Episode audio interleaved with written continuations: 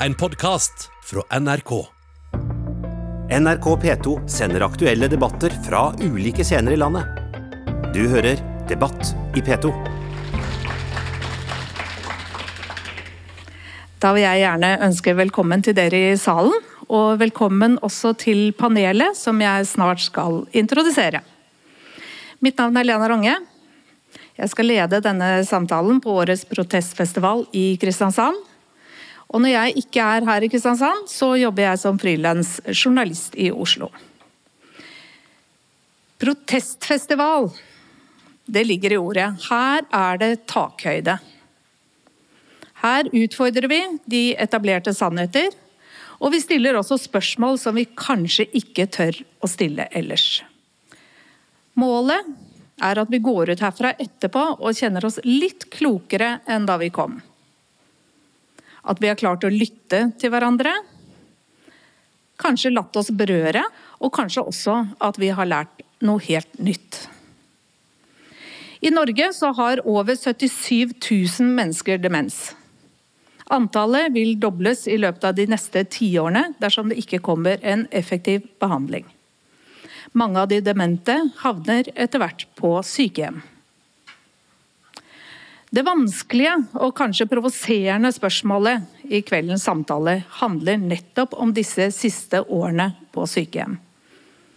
Ville det vært bedre å få en siste pille eller sprøyte fremfor å avslutte livet på sykehjem, slik de fleste av disse i dag er utformet og fungerer? Med meg i panelet har jeg stortingsrepresentant fra Arbeiderpartiet, Kari Henriksen. Jeg har biskop emeritus Per Arne Dahl. Jeg har pårørende Pål André Kristiansen. Professor i sykepleie Vibeke Lone. Og leder for Pårørendealliansen Anita Vatland. For å begynne å diskutere dette eh, litt vanskelige og sårbare tema, så tenkte jeg at vi begynner rett og slett helt til venstre med at dere kan ta en liten runde på et par minutter hver på hvorfor dere er her, og hva deres rolle eh, er eh, i, i, denne debatten. Per Arne Dahl, da kan vi begynne med deg. Eh, som prest så har jeg jobbet det meste av mitt liv på Modumbads nervesanatorium og Institutt for sjelesorg. Jeg har vært involvert i alle de store katastrofene og traumene. Eh, men den kanskje viktigste kompetansen tror jeg i forhold til denne samtalen her, er at både mor og far Far fikk alzheimer, mor var dement. Eh, I går kveld så feiret jeg 100-årsdagen for mors fødsel her i Kristiansand sammen med mine to søstre. Og De siste 15 årene så har jeg gått ut og inn av Katinka Gullberg-senteret i Oslo for å besøke far og besøke mor. Og kanskje er noe av det aller, aller viktigste som jeg tenker, og som jeg kan melde inn som en starter her, det er at det er alltid flotte oppslag på Dagsrevyen når uh, nye sykehjem skal innvies med pomp og prakt. Og det syns jeg er helt ålreit. Men det jeg savner, er en balanse mellom investeringer til nye sykehjem og driftsbudsjettene for det som kommer. Fordi vi har så mange eksempler på at etter at sykehjemmet er innviet, og folk er på plass, både de som jobber der og de som skal bo der, så kommer nedskjæringer og dermed en kvalitetssenkning som arter seg bl.a. ved at man ikke makter å fastholde at her skal vi, uansett hvor syke de er, ha et orienteringspunkt om det friskeste. Det har for meg vært en gåte, en anfektelse, som jeg gjerne skal komme tilbake til. Pål André? Ja, jeg har uh, er jo ganske yngre enn de fleste rundt bordet her, antagelig. 48 år. Mistet min far på FN-dagen i 2019, altså i, i fjor. Han var demens etter å ha fått seks hjerneslag. Både mor og min bror har vært skikkelig Har kjent dette skikkelig på seg. hvordan man har hatt med en far som både er dement og har hatt seks slag.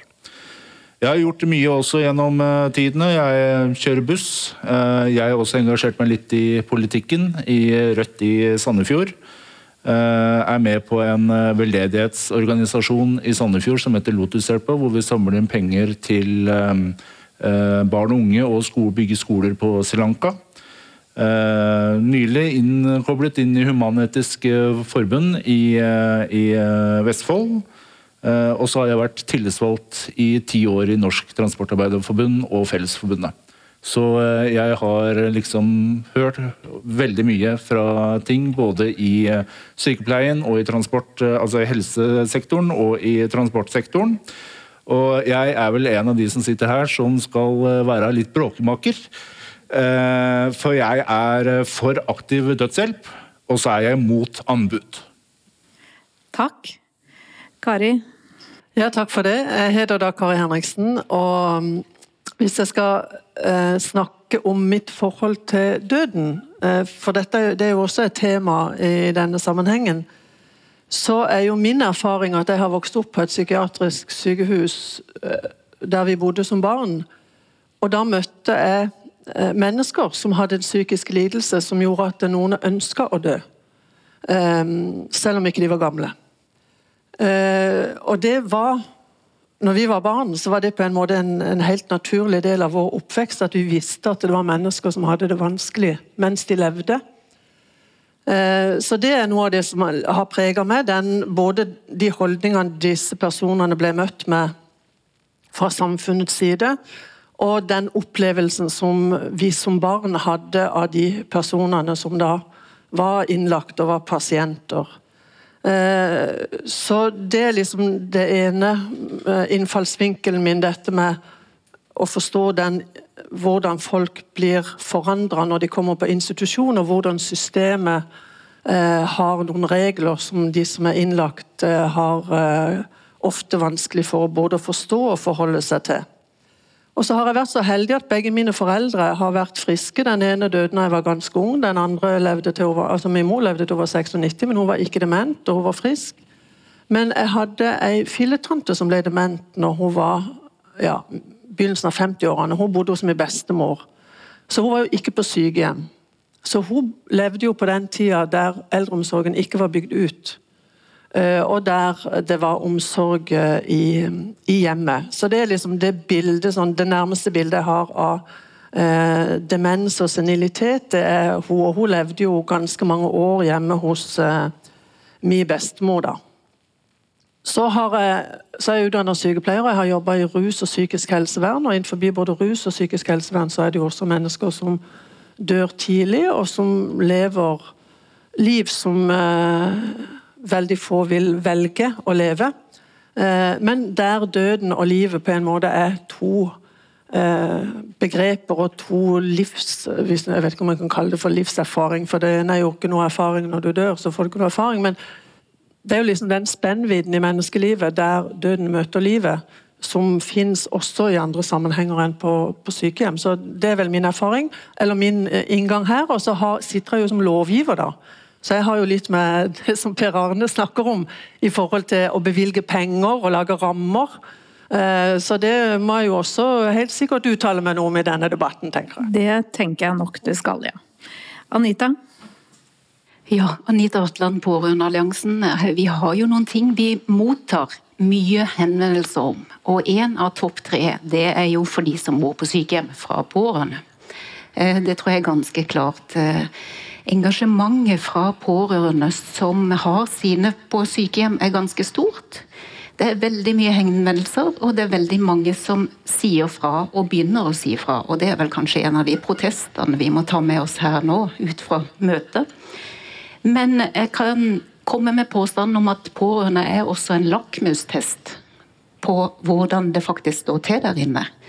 For eh, mange kommer jo og er veldig fortvila over manglende aktivitet, for lite stimuli.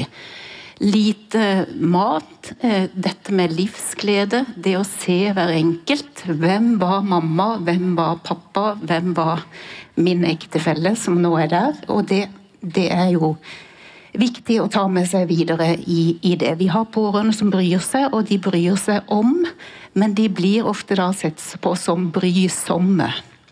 Eh, så det er der vi må ta en debatt videre. Og så har vi jo selvfølgelig det Per Arne sa med gode bygninger, gode rammer, men det ligger jo også noe økonomisk bak dette her, som vi ikke kan komme forbi når vi ser på hvordan vi prioriterer, og som vi også nå har prioritert i covid-19-tida. Vi skulle beskytte de sårbare, men hvor er da midlene for å ruste opp samme område?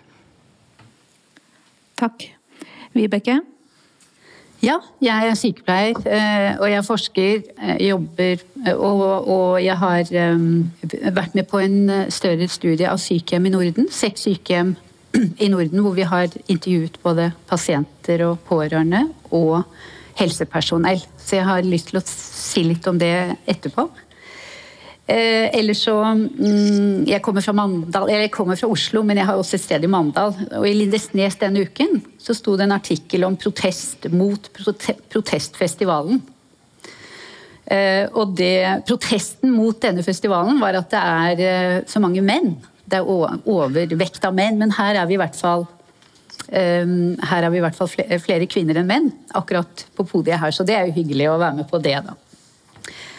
Ehm, men ehm, jeg vet ikke om jeg eh, Altså dette å løfte frem litt eh, Disse ulike perspektivene fra pasienter og pårørende og helsepersonell, det det eh, tenker jeg jeg kan si litt om etterpå. Men ellers, rent sånn privat, så har jeg vært pårørende på sykehjem, og jeg har vært etterlatt på sykehjem. Så jeg har også sett sykehjemssituasjonen og livet, da. Eh, både si, med et faglig perspektiv, og også eh, som et pårørende, fra et pårørendeperspektiv. Så jeg har også vært pårørende på, på sykehus. For noe, et par dager siden så, så, så jeg et uh, nyhetsinnslag uh, på TV som var fra et, uh, et sykehjem i Lund i Rogaland som hadde bestemt seg for å være istedenfor å være et eh, sykehjem, skulle være et livsgledehjem. Det er en sertifisering faktisk som skal til, og som resertifiseres hvert år for å bli et livsgledehjem. Eh, og daglig leder Merete Birkeland på dette Lund eh, sykehjem, hun fortalte at årsaken til at hun hadde tenkt at dette ville jeg søke midler til, Eh, det var at det hadde sittet en, en beboer da, i gangen der og smilt som en sol. Og hun hadde akkurat kommet hjem fra julefest. Eh, og så hadde de ansatte spurt har du hatt det hyggelig på festen. Men hun kunne overhodet ikke huske at hun hadde vært på noe fest. Men så sa hun følelsen jeg har inni hele meg, er nok til å si at ja, jeg må ha hatt det hyggelig på den festen. Da tenkte hun at her må jeg gjøre et eller annet med eh, sykehjemsdriften, eh, hvor jeg er daglig leder. De tok inn eh, dyr, levende dyr, kaniner, katter. Gjorde en del sånne ting. De flyttet middagen fra klokka ett til klokka fire. De gjorde en del sånne myke forandringer som egentlig ikke var så store, og i hvert fall ikke kostbare. Eh, og etter ett år så var eh, medisinbruken eh, redusert med to tredjedeler. Alle var mer fornøyde, både de ansatte, beboerne og de pårørende. Og da lurer jeg på Når det er sånn, hvorfor gjør ikke alle sykehjem Hvorfor altså Når vi snakker om bevilgning av penger, da, jeg tenkte at dette spørsmålet kanskje kan begynne med deg, Kari, som er i politikken. Det er flere hjem som er, er sertifiserte det, og det blir flere og flere. Hvorfor ikke alle? Ja, det kan du si. Det er jo en, en organisasjon som faktisk oppsto i Kristiansand. Og Noe av det som, er, eh, som jeg synes er så bra med den, det er at det, som, det som du sa, dette, at de fokuserer veldig på det positive. og Heldigvis er det jo sånn at veldig mange kommuner ser at det er bra, og at de vil ha det på plass. Eh, og så er det jo det at eh, som du sier, så handler ikke det om rammer, det handler ikke om økonomiske rammer, men det handler om holdninger.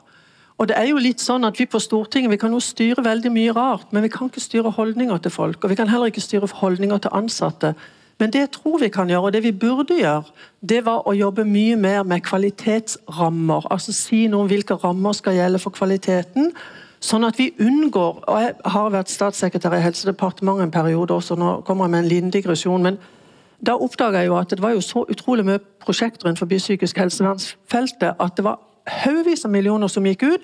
Og så kom folk til meg, og da var prosjektene på vei Bevilgningene var på, bevilgningene var på vei til å gå ut, og så skulle de videreføre de. Og så spør jeg ja, er det forankra i systemet ditt. Nei, det var så mye motstand. Sånn at Vi har egentlig bygd et system der vi har ett prosjektsystem for de som er, ideelle, som er veldig engasjerte og ideologiske og som ønsker å forandre, og så har vi ett system som er systemet, og som er liksom eh, kjernen i, i tjenesten. Og Det må vi bare bryte. Vi må sørge for å få et system som kan håndtere de engasjerte og de eh, menneskene som ønsker å gjøre gode forandringer internt i systemet. Sånn at det, En måte å gjøre det på, selv om vi ikke har diskutert dette eh, helt uttømmende, men det kan være at institusjonene selv har midler til den type prosjekter. Sånn at det må forankres i institusjonen, og ikke noe utenfor som gjør at eh, ansatte og, og brukere liksom blir trukket vekk fra systemet. Den andre tingen å gjøre som vi innførte når vi hadde regjering, og det er lenge siden, og vi har ikke noen politisk debatt om det, men som alle syns er bra, det er disse um, univers universitetssykehjemmene, som de kaller de. Der det er uh, sykehjem i kommuner som får en oppgave med å være faglige, utvikle holdninger og se på kvalitet, hvordan den kan bli bedre. Og det tror jeg, og de, får, de sykehjemmene og de hjemmetjenestene som har fått den oppgaven, de får også et ansvar for å bringe dette inn i tjenesten i kommunen. Så, så, der er det liksom, i hvert fall to eksempler som jeg tror ikke nødvendigvis vil koste veldig mye penger, som ikke krever nødvendigvis lovendringer, men som er tydelige politiske signaler som eh, regjering og storting kan gi, at det er eh, viktig å, å, å, ta opp dette, at det er internt. Endringer må skje, og en må sørge for en praksis og en tillit til de ansatte, at de kan få lov til å bruke den, det engasjementet og den fagligheten de har der de faktisk jobber. Mm. Anita?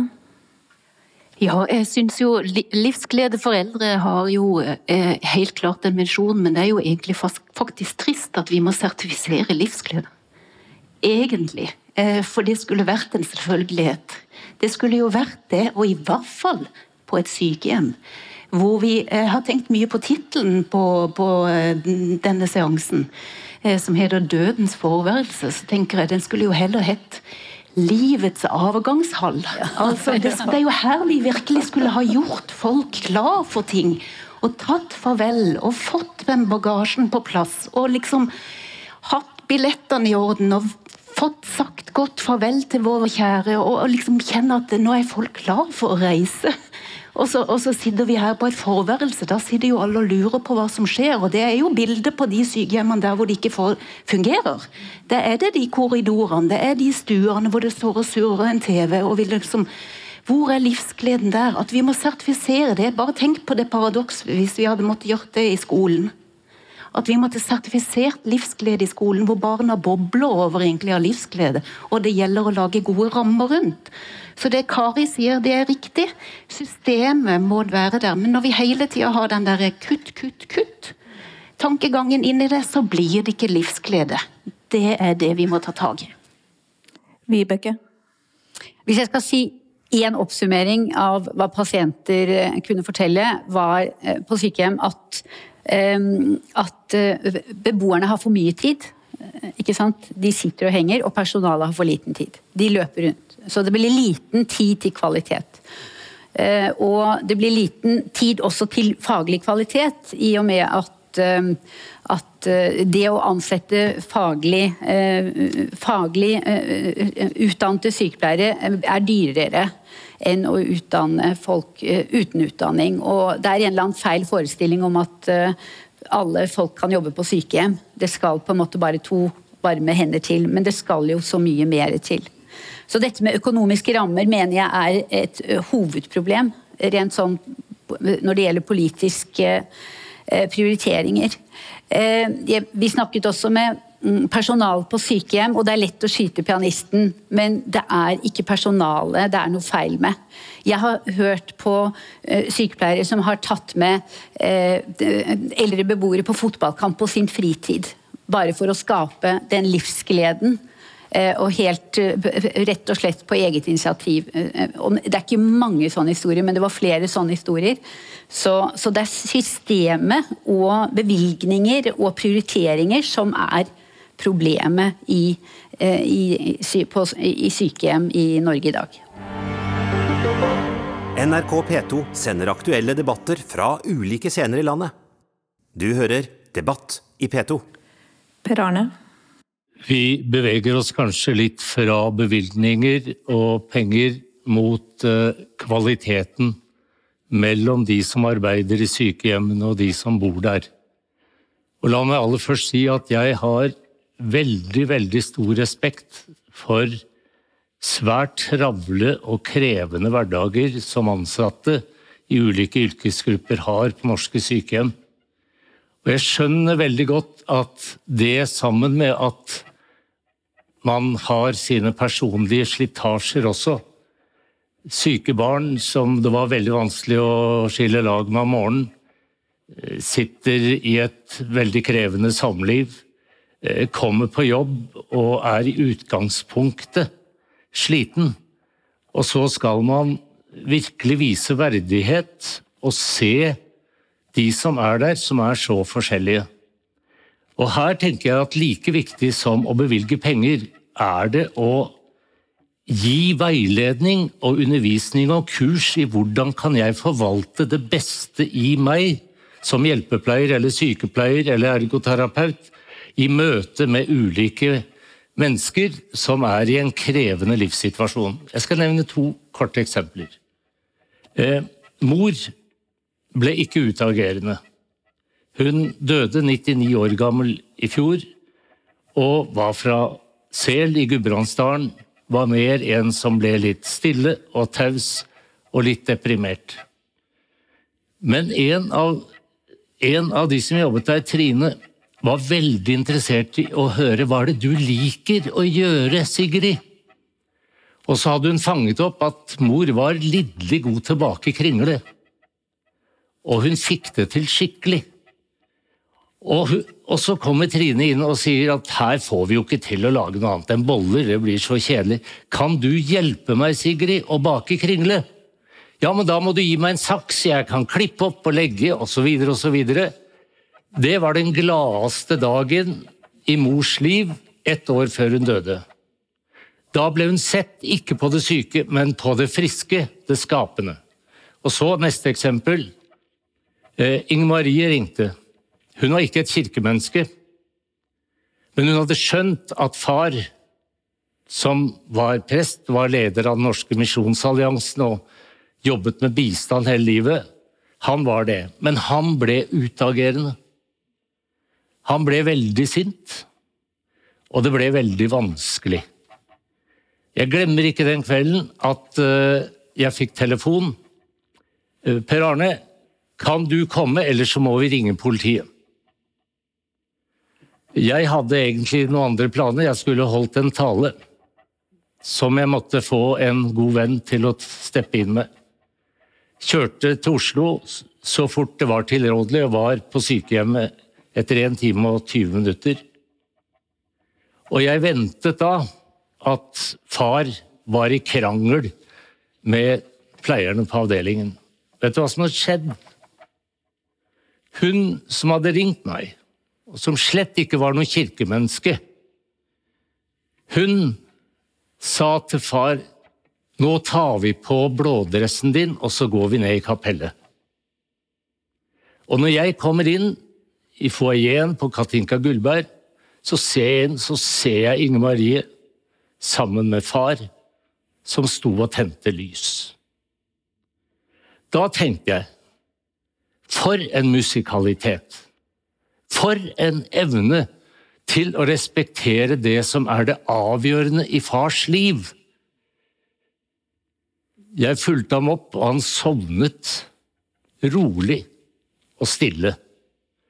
To eksempler fra en travel norsk hverdag hvor verdigheten blir intakt, og hvor man tar orienteringspunktet, ikke sykdom, medisinering og trusler, men i det som de er glade i, og som er deres liv.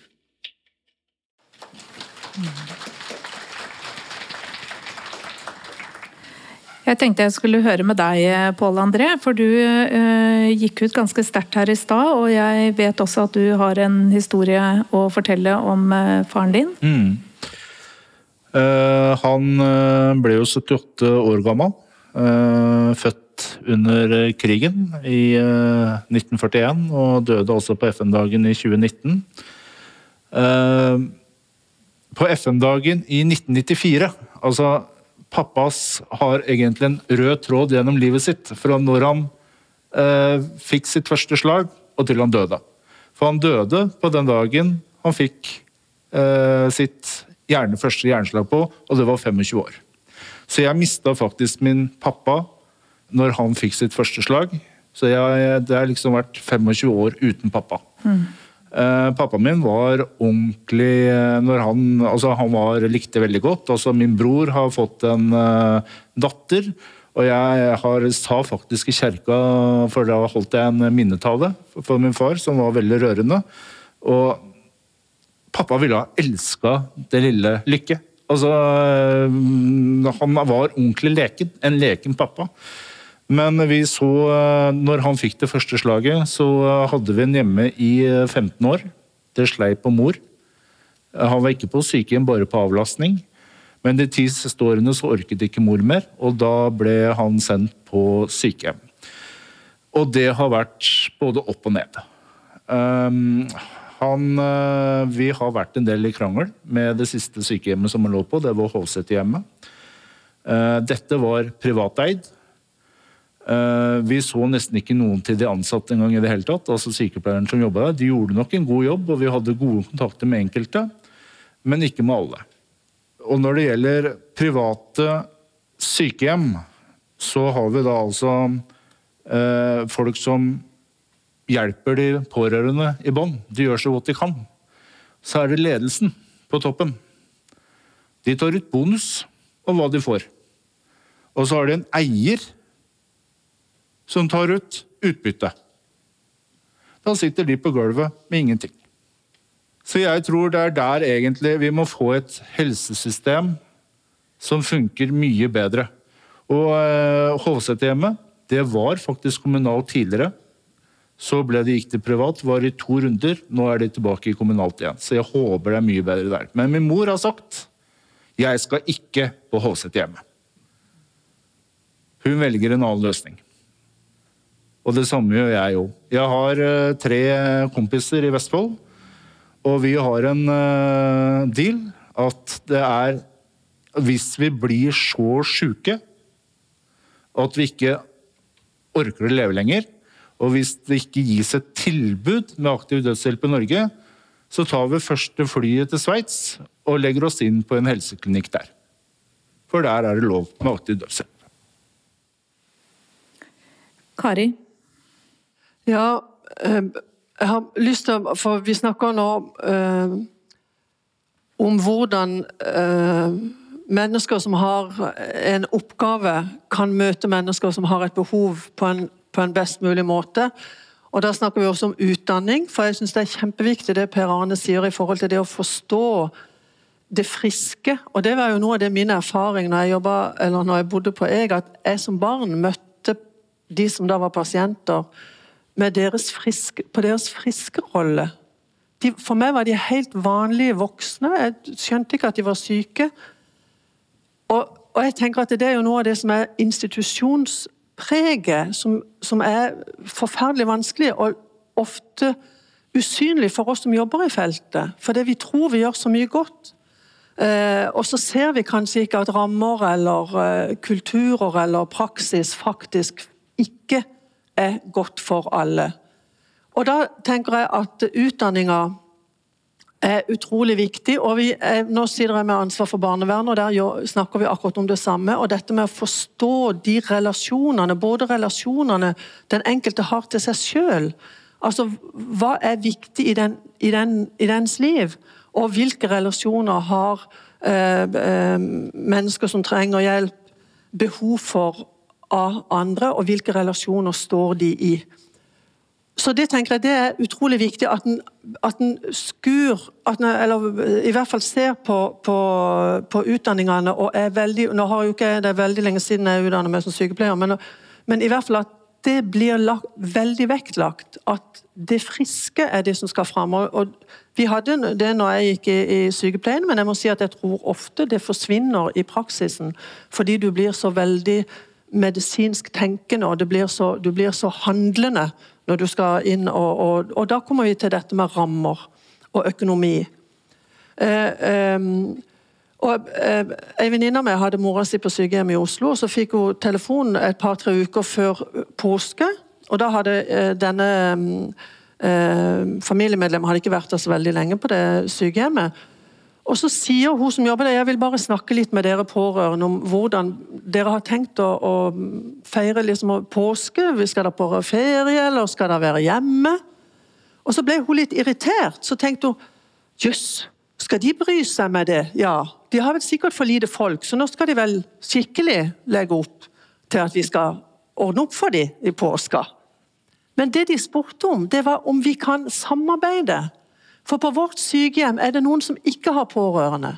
Så hvis vi vet om dere er hjemme, så kan vi lage en turnus som gjør sånn at de dagene dere kan besøke deres tante, så kan i hvert fall vi ha noen personellressurser til de som ikke har noen besøk. Og, og Hun ble jo så happy, og de det, og sånn har de ordna det i alle ferier. At de får utløst den, de ressursene som faktisk finnes hos pårørende og hos sykehjemstjenesten, eller hos de ansatte og ikke minst hos brukerne. Sånn at de brukerne som, ikke, som ikke har pårørende, at de også uh, blir sett. Og Så har jeg bare lyst til å ta opp én ting til, for, og det er dette med økonomi. Kommuneøkonomi er kjempeviktig, og den må bare styrkes. Og Spesielt etter korona så må kommuneøkonomien uh, bli bedre. Og så må vi få på plass hele stillinger i eh, omsorgstjenesten. Det er et, en stor kvalitetsbrist.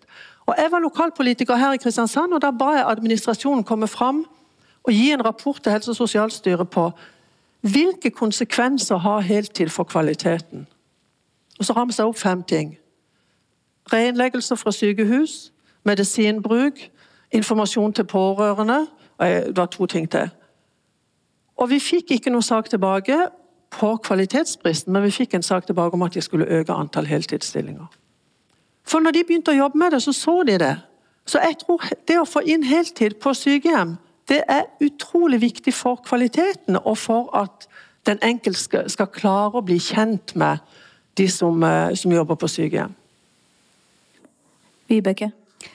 Jeg er helt enig med deg. Det er veldig fint det siste du sa. Og, og du, du var også inne på at det er mye kreativitet på sykehjem. Eh, selv om det er problematisk, så er det også mye kreativitet og mye fint som skjer. Jeg eh, tenkte, eller eh, ba om ordet også Du som er inne på dette med eutanasi, da, dette med å drepe seg og reise til Belgia osv. Det, det har opptatt meg ganske mye. Det, og det er jo forbudt å drepe i Norge. Vi har ikke lov til å ta liv av verken pasienter eller pårørende, selv om noen kanskje har lyst til det. Men, men eh, det er eh, så, så, på en måte Så ett spørsmål er jo hvem skal drepe deg? Hvem, hvem, skal du gjøre til drapsmann? Og nå snakker jeg om i Norge. I Belgia har man, har man slike muligheter. Det har vi ikke i Norge. Men det er jo mange som ønsker at det skal bli en mulighet. Jeg ønsker ikke det. Jeg, jeg, i kontakt med, jeg skrev en bok og kom i kontakt med en pasient med ALS som bodde i Eh, der kunne han få aktiv dødshjelp. Og han ville møte meg, og jeg var veldig nervøs. Jeg, jeg er håpsforsker også, så jeg gruet meg og tenkte hva skal vi snakke om? Han, hva skal jeg si om håp? ALS og håp, kan det, kan det på en måte sies i samme setning? Um, og jeg kommer inn på rommet hans, og han ligger der og Han eh, er veldig syk og har ikke respirator, men han har luft liksom pustehjelp. Um, men han vil ikke snakke om håp, han vil snakke om døden. Og han reiste til Norge, og i dag vet vi at det var ett år før han døde, og reiste til Norge fordi at han sa det er det er ikke Det er Gud som bestemmer. Det er ikke vi som skal bestemme når vi dør. Og det har jeg egentlig aldri glemt. Det syns jeg var et veldig sterkt utsagn fra en som sto på en måte midt oppe i problemstillingen. Eh, når det gjelder demensforskning, så er det jo mye håp der nå. Eh, forskerne er jo i ferd med å avdekke nye ting. Vi kjenner jo disse norske nevropsykologene som fikk Nobels pris. Det er jo et ledd i dette med demensforskning, så det er ikke sikkert at demens blir så eh, ille i fremtiden som, som det er i dag. Men, men, dette med eutanasi, altså eutanasi, dette å gi kanskje en overdose, da. Um, og det gjør man jo av og til, men uten å ville det. Så, så, hele eh, dette problemstillingen er om man på en måte vil ta livet av noen, eller om man vil lindre, og at lindringen også kan føre til dårlig respirasjon og at man dør tidligere. Det er to vidt forskjellige ting, og det er på en måte hensikt med handlingen som er, er det viktige. Uh, og jeg mener at vi skal ikke Jeg er glad for at, vi, at det er straffbart å ta liv i Norge. Anita? Jeg tror vi må skille på at dette kanskje er to forskjellige saker. For det ene er det image-problemet at havner jeg på sykehjem, så vil jeg heller dø. Altså Det er jo selve sykehjemmet i seg selv som virker så lite forlokkende at der, er, der, er, der vil heller dø enn å havne der. Eh, kontra at jeg tar et valg eh, selv om å si at jeg vil ikke være en belastning for mine nærmeste, eller eh, hva det nå måtte være. Så jeg ser iallfall på det som to forskjellige diskusjoner.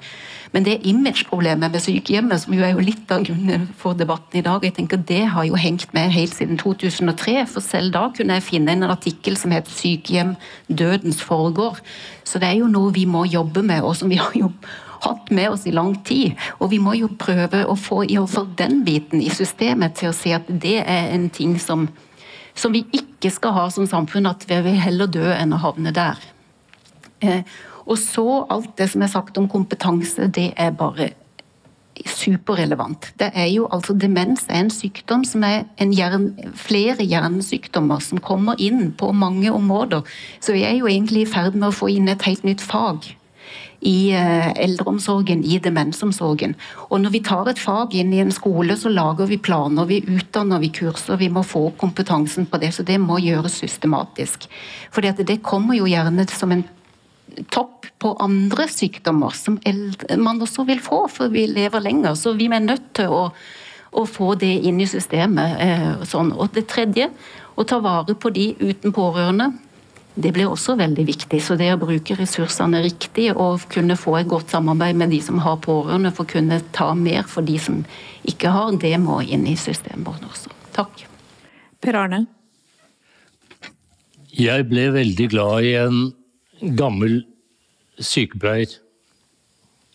Eh, Olaug hadde jobbet med demente og med folk med alzheimer og et langt liv. Og så husker jeg at jeg spurte henne hvordan orker du?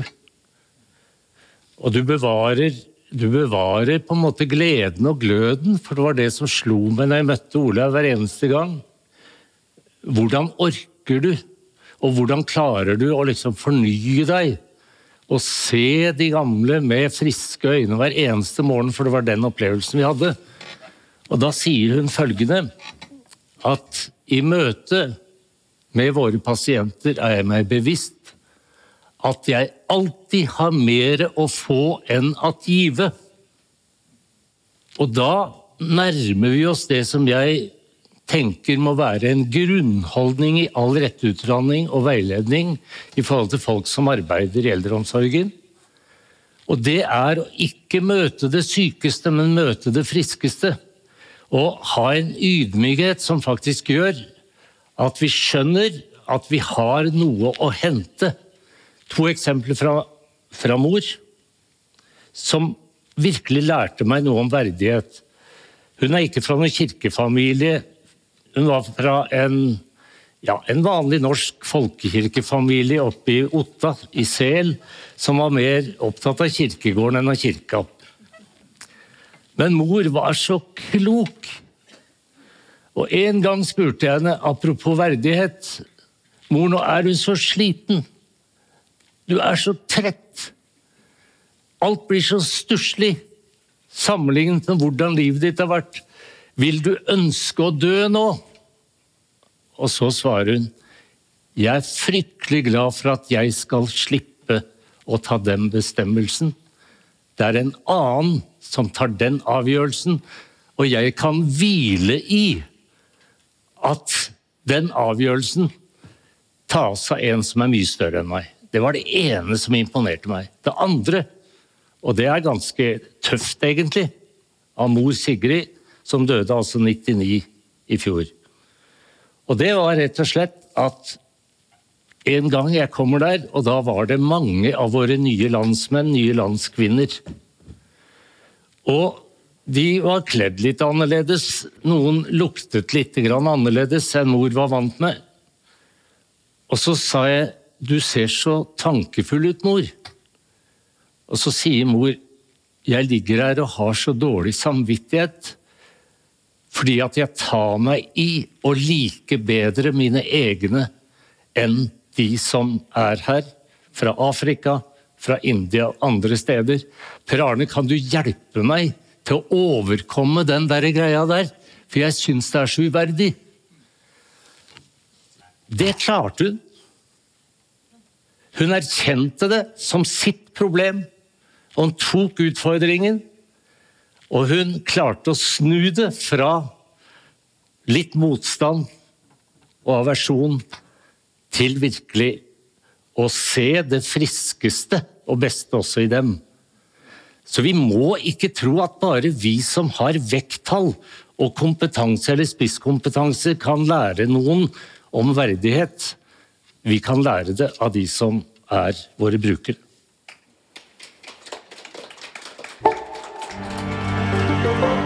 NRK P2 sender aktuelle debatter fra ulike scener i landet. Du hører Debatt i P2.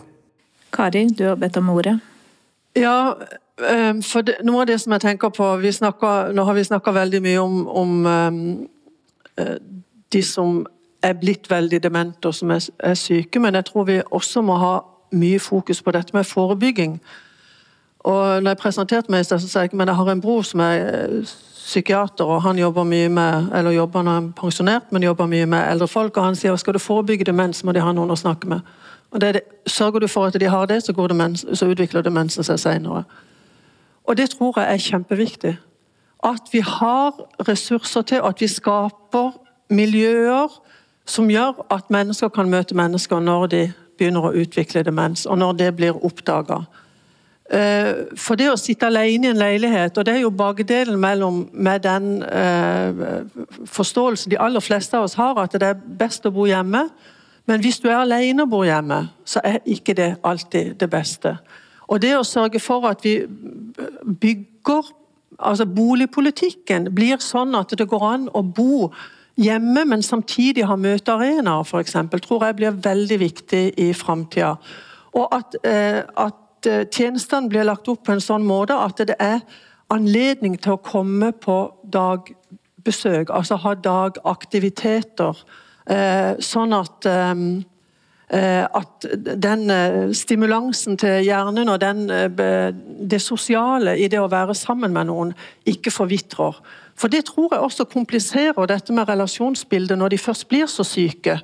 Når de har sittet alene, kanskje i, i månedsvis eller årevis, noen hjemme, og ikke hatt noen til å være med seg på den reisa som de selv opplever inni seg. Og så kommer de på et sykehjem der de møter profesjonelle folk som vet hva alt dreier seg om. Og så blir det kanskje en opplevelse at uh, her er det to virkeligheter som ikke klarer å, å skru seg sammen til en god dialog og til en god relasjon. Så jeg tror det er utrolig viktig, dette med forebygging. Og da har jeg også lyst til, til å slå et slag for noe som, som uh, høres helt kontra ut. Fordi at jeg vil slå et slag for teknologi og digitalisering. For her i Kristiansand så har de altså lagt opp til at uh, f.eks. konserter i Kilden overføres til sykehjem. Og etter hvert vil kunne overføres også til hjemmene. Jeg ser at Det kan være en sånn måte å få abonnement på. At du kan få abonnement, så kan du sitte enten hjemme i din egen stue, eller nå som vi i dag kan vi gjøre det på sykehjem, og være med på en konsert. Og Det gleder så mange mennesker. Og Det de gjør på de sykehjemmene her, det er også at da åpner de dørene for nærmiljøet. Sånn at nærmiljøet kan komme inn og være med på den konserten. Og sitte der og få glede av det. Så jeg tror eh, teknologien og digitaliseringa må brukes veldig klokt, men den må brukes på en måte som gjør at den sikrer at mennesker kommer i kontakt med hverandre. Sånn at de kan leve sine liv lenger i fellesskap enn at de skal leve helt alene. Og det tror jeg så, Min mor var sprek når hun bodde hjemme, men min tante bodde alene, og hun datt hjemme alene en kveld og skulle lukke verandadøra. Og hun ble liggende i et døgn, halvannet døgn før noen fant henne. Kom ikke til telefonen, kunne ikke bevege seg og lå der og ropte og skrek. Men det var jo lydtett leilighet, andre etasje i en firmannsbolig, der lå hun. Og det er klart, Hadde hun hatt en teknologisensor da, som hadde sjekka ut at nå har ikke tante Astrid vært på do i en time, vi kunne gjerne hatt den alarmen hjemme hos oss, så kunne vi ha ringt. og Hvis, de, hvis vi ikke, ikke svarte, ja, så kunne vi ha fått hjulpet henne. Så jeg tror en må, en må, bruke teknologien på en veldig klok måte, men sånn at vi reduserer de konsekvensene ensomhet eh, kan gi for uh, mennesker som bor alene. I hvert fall fordi det kan det er godt for en del andre også, men i hvert fall for de. Da har eh, Vibeke spurt om ordet, og så er det Per Arne etterpå.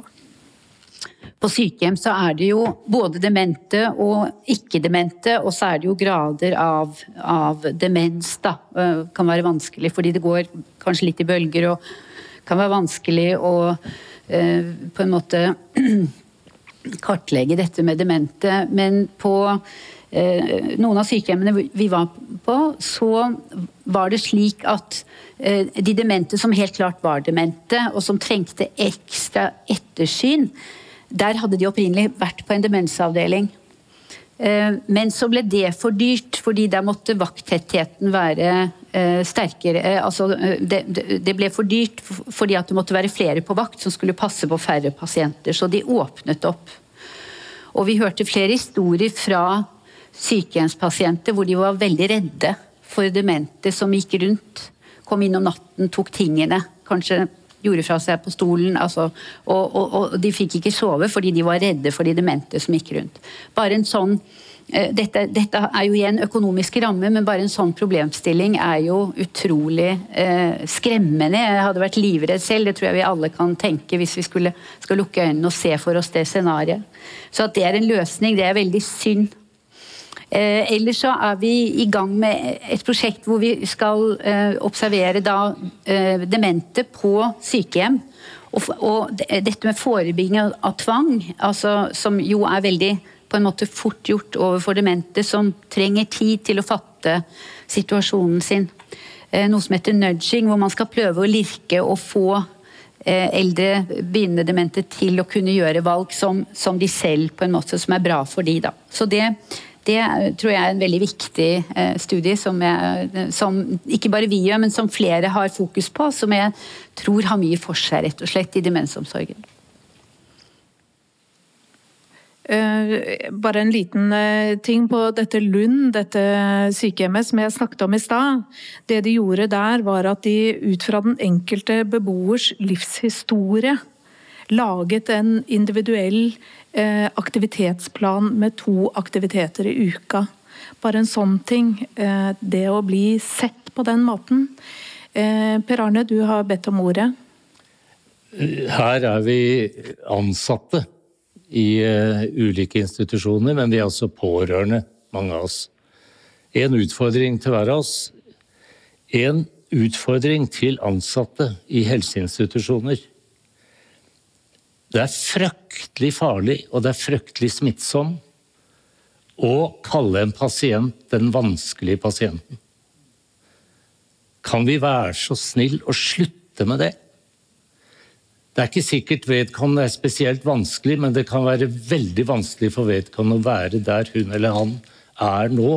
Og i det øyeblikk, på et møte eller et fagseminar, én får på en måte diagnosen 'den vanskelige pasient', så er vedkommende vanskelig.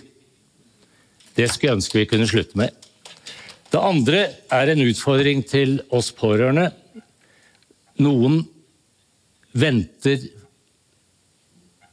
for kort med å bidra til at sin kjære kommer inn på institusjon, og tåler altfor lite. Men noen av oss venter for lenge. Og jeg kommer aldri til å glemme den julaften hvor vi ville ta far hjem til plassen vår på Modum, og hvor kvelden slutta med at jeg sloss med min egen far. Det er den vondeste situasjonen jeg har hatt i livet, tror jeg. Og særlig oppleve far morgenen etter, hvor han åpenbart kunne se i glimt hva han hadde bidratt til, og hvor det eneste han ønsket, det var å komme på sykehjem. Så noen av oss venter for lenge. Og jeg vet også om ektefeller som har ventet så lenge at hjemmet er nesten blitt en institusjon, og hvor vedkommende nesten ikke er der alene, for plutselig kommer det en og annen. Og så går det utover søvn, og så er det i gang. Det er noe med ærbødighet for hvor vanskelig dette er. Og da trenger vi både å bidra til institusjonalisering, men også at institusjonene kan bli reine. Vi nærmer oss eh, dessverre slutten. Vi skulle gjerne stått her, eller jeg skulle gjerne stått her i mange timer til. Eh, Anita, du får faktisk siste ordet i dag. Det jeg tror vi skal ta med oss, det er jo at sånn som vi behandler noens kjære, det blir også noens historie. Det blir eh, noe som går igjen i familien. Vi tar det med oss. Hvordan, det, den, eh, hvordan vår eh, siste reise sammen med den vi brydde oss om og var glad i, var. Og det tror jeg, Hvis vi får det perspektivet også inn når vi da flytter inn på sykehjem, hvis det er det vi må. At vi får til den overgangen, at vi får med informasjonen, at vi får med, som Per Arne understreker, hvem er du? Hva er viktig for deg? Hva er, hva er en verdighet? Hva, hva, kan du gjøre når du er her hos oss? Det tror jeg er en, en, viktig ting å ta med seg videre. Og at vi alle tenker hvordan ville jeg selv ha blitt behandla? Hvordan ville jeg at mine nærmeste skulle hatt det? Jeg tror det må være kjernen i det vi gjør videre. Både som pasienter og som pårørende, og som eh, samfunn som skal sørge for at dette faktisk skjer. Tusen takk. Jeg sa før vi begynte i dag at målet når vi går ut herfra, er at vi kjenner oss litt klokere enn da vi kom. At vi kanskje har eh, latt oss berøre, at vi har lyttet til hverandre og kanskje også lært noe nytt. Jeg kan jo bare snakke for meg selv, men jeg vil i hvert fall si at det har jeg, og det håper jeg at dere også har.